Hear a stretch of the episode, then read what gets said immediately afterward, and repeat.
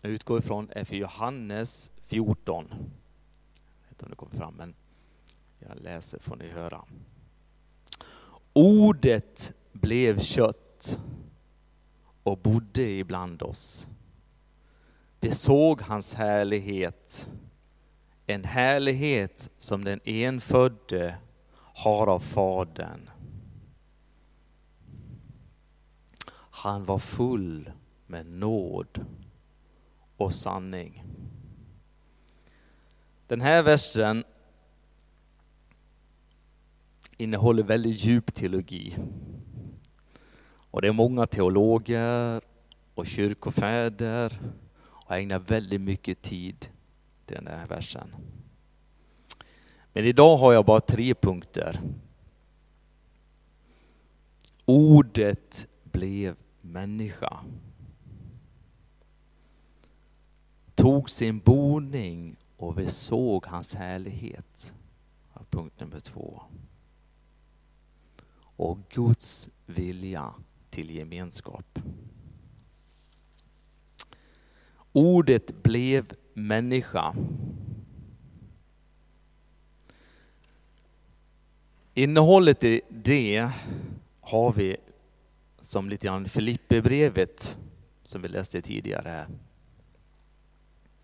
Han utgav sig själv och blev människa. Ordet Anton sa på julmusiken, något som blir en någon. Jag vet inte om ni var med på julmusiken.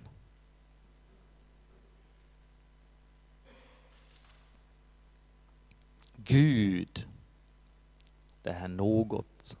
Jag vet inte om det, jag träffar många svenskar, ja men jag tror på något. Eller no, ja, något finns det ju där. Men i den här versen, det här något blir en någon. Ordet Gud blev människa. Smaka på de orden lite till. Ordet Gud blev människa. Jesus är fullkomligt Gud. Jesus är fullkomligt människa. Och Jesus, han var människa i allt att vara människa. Han var begränsad i sin kunskap. Jesus kände sorg, saknad av sina vänner. Man läser i Lazarus.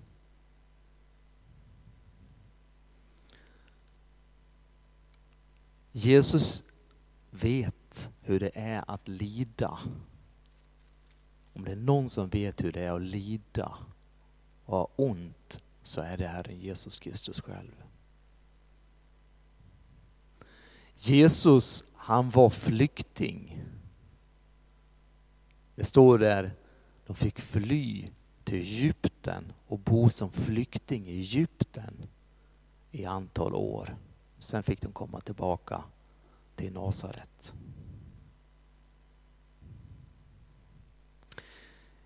Jag skulle säga Jesus, han är vår broder. Och det är väldigt mycket tröst i detta. Det är ingen som vet hur jag har det. Jo, det finns en. Det finns en. Jesus vet precis hur du har det. I Smyrna kyrkan, Uppenbarelseboken, säger, säger att du är fattig. Alltså extremt fattig. Men jag vet, jag känner till hur du har det, säger Jesus till Smyrna kyrkan. Jesus är, vet hur det är att vara människa. Jesus, vår broder.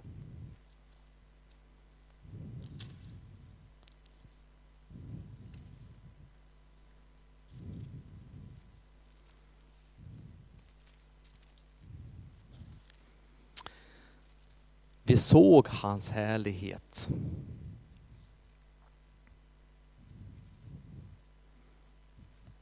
Härligheten här, det talar om någonting, om Guds heder, Guds majestät, Guds storhet som blev människa.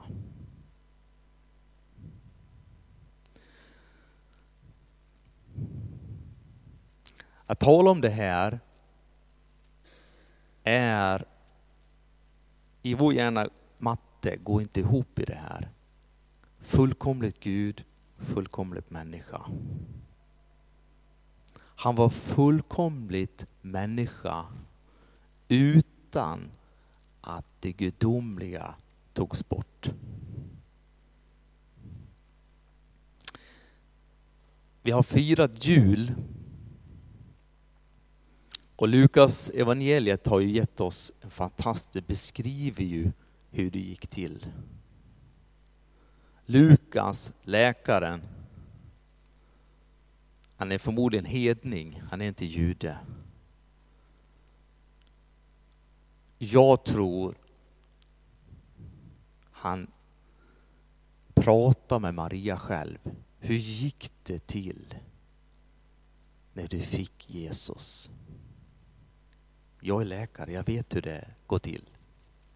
Men hur gick det till? Och så har vi fått den här underbara berättelsen i kapitel 1 och kapitel 2.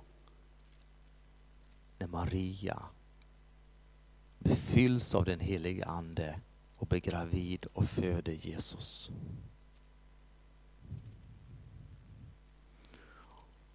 Och den här hemligheten uppenbaras för Elisabet när hon besöker honom.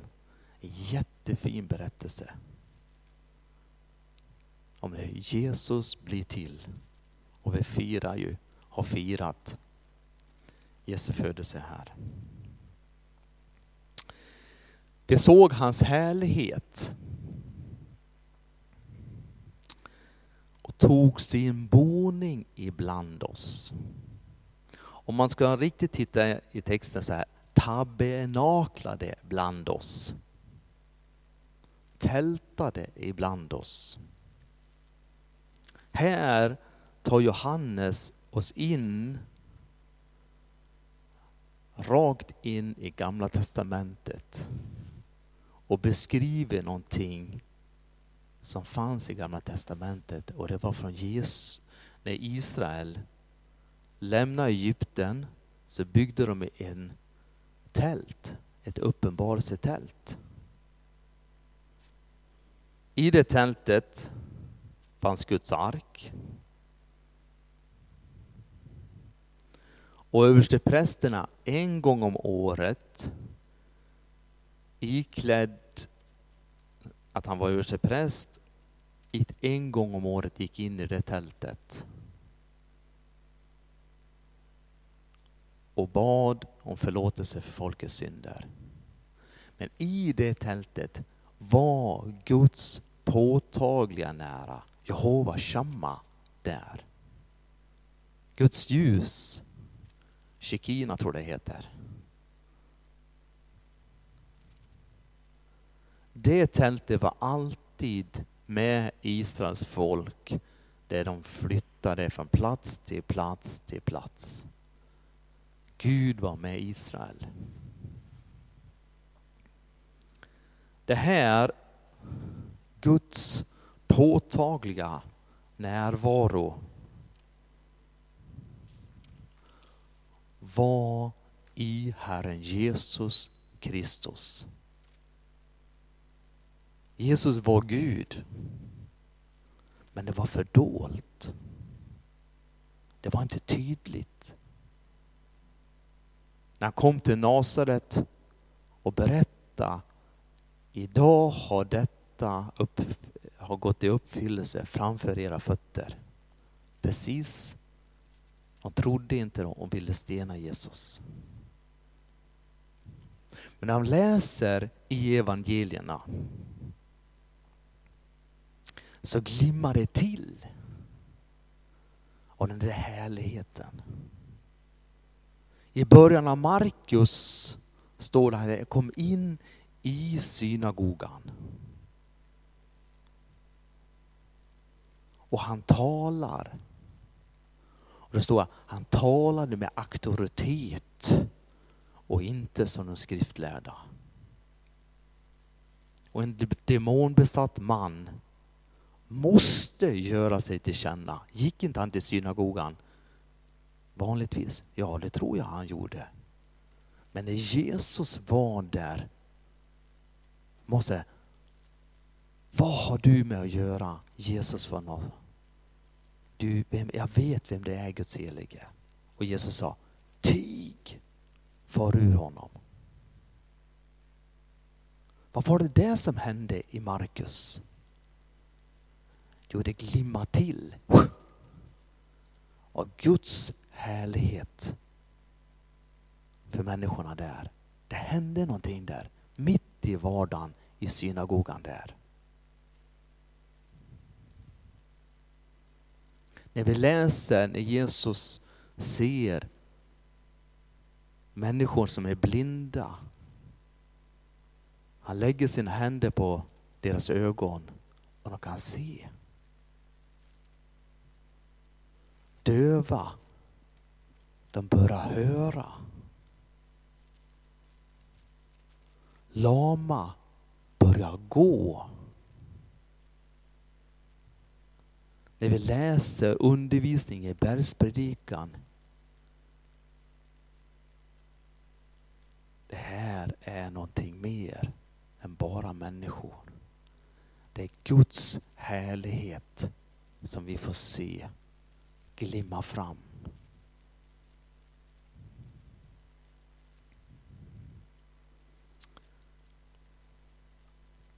Men vad är Guds härlighet nu då? 2018, 30 december, vad är Guds härlighet nu? Jag skulle säga Guds härlighet är i Korskyrkan. Det står när man samlas tillsammans i mitt namn, säger Jesus, skall jag vara mitt ibland dem. Så jag skulle säga Korskyrkan här i Norrköping är Guds tabernakel, Guds tält i Norrköping.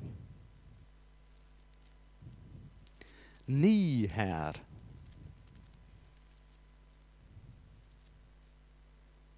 Ni är Guds tabernakel.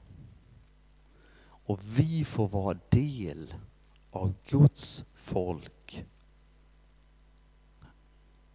Del av Guds folk. Det är stort.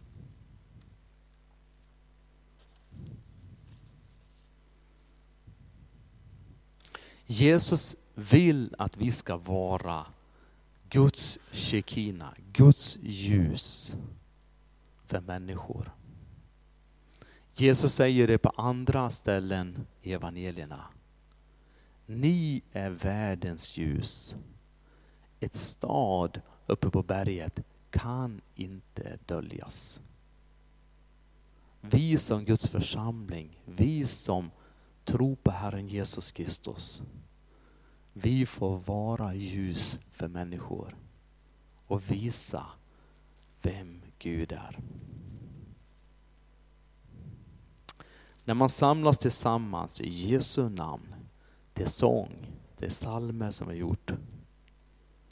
I bön och tillbedjan till ordets förkunnelse, då har han lovat att vara mitt ibland oss.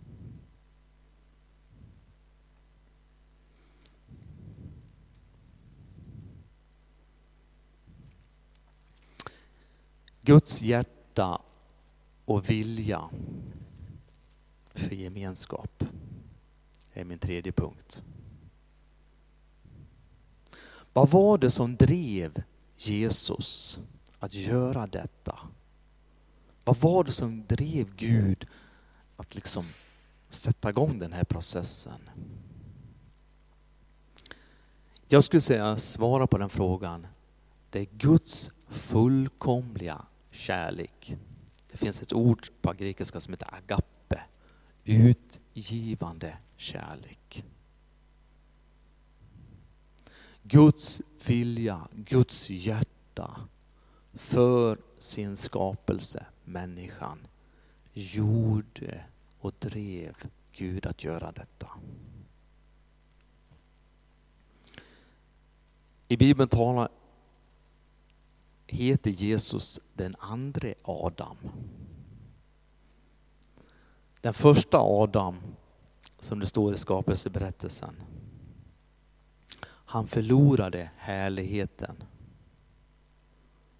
Och han förlorade gemenskapen med Gud. Men den andra Adam, Jesus, han vann den tillbaka. Så det finns möjlighet för oss människor att kunna ha gemenskap med Gud. Och härligheten kan flytta in i våra hjärtan. Och Guds ljus. Synden får bryta sin makt i våra liv. Och vi kan bli förlåtna och upprättade. Det var Guds kärlek som drev Gud. Jesus att komma hit och bli människa.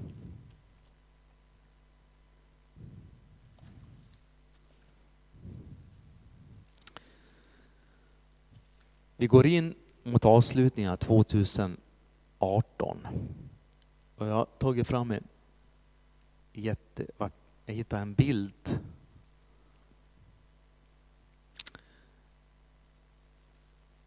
som talar väldigt mycket till mig i alla fall. I förgrunden ser vi en kvinna och det är kargt landskap. I bakgrunden höga vågor, grov sjö och storm. För mig, första tanken jag känner är att kvinnan symboliserar mänskligheten. Jag har hört på nyheterna mycket under hösten jag tycker det är allt annat än lugnt i världen. Politiskt stormar det jättemycket. Inte bara i Sverige, jag tänker i världen. Det är väldigt mycket krig och svårigheter. Det är mycket miljökatastrofer, eller inte bara miljö, det är skakar, det är, alltså det är stormigt i vår värld, tycker jag. Känner jag i alla fall.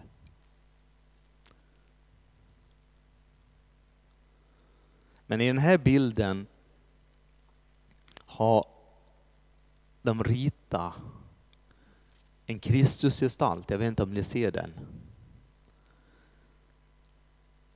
Precis som den här kvinnan. Herre hjälp, Herre hjälp.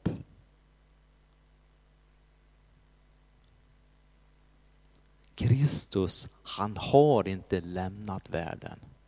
Han ska komma tillbaka, men han har inte gjort det än. Han finns och han har inte lämnat oss. Mitt i det här kaoset finns Kristus. Oss nära. Och han vill hjälpa till, ge trygghet, ge frid. Och han har inte lämnat mänskligheten ensam.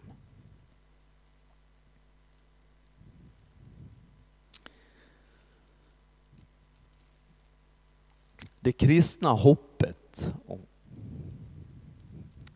det kristna hoppet har en historisk förankring. Det har hänt på riktigt. Jag var i Jerusalem i år. Jag har sett de här platserna. Kanske det var där Jesus på Golgata kulle dog. Närheten var en trädgårdsgrav. Och de, det kan vara på den platsen, de är inte säkra exakt var det ligger. Men det är historiskt förankrat. Det finns ett folk som heter Israel.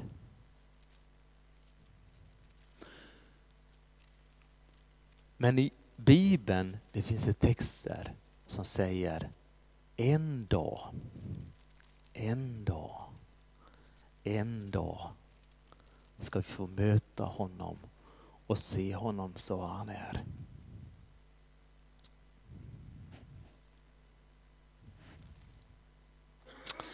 Hoppet blickar framåt. Det är historiskt förankrat men det blickar framåt. Och det ger verkligen kraft där vi är just nu idag, 2018. Ordet blev kött och tog sin boning ibland oss. Vi såg hans härlighet.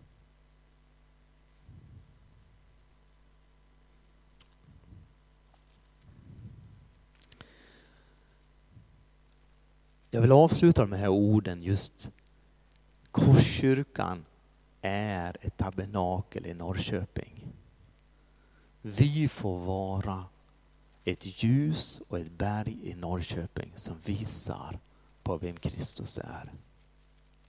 Jag tror Gud har mycket planer för Norrköping och den här församlingen. Och vi kan hämta styrka och stöd och liv. Och vi kan lysa som aldrig förr och berätta för människor om den Gud vi tror på. För det är sant.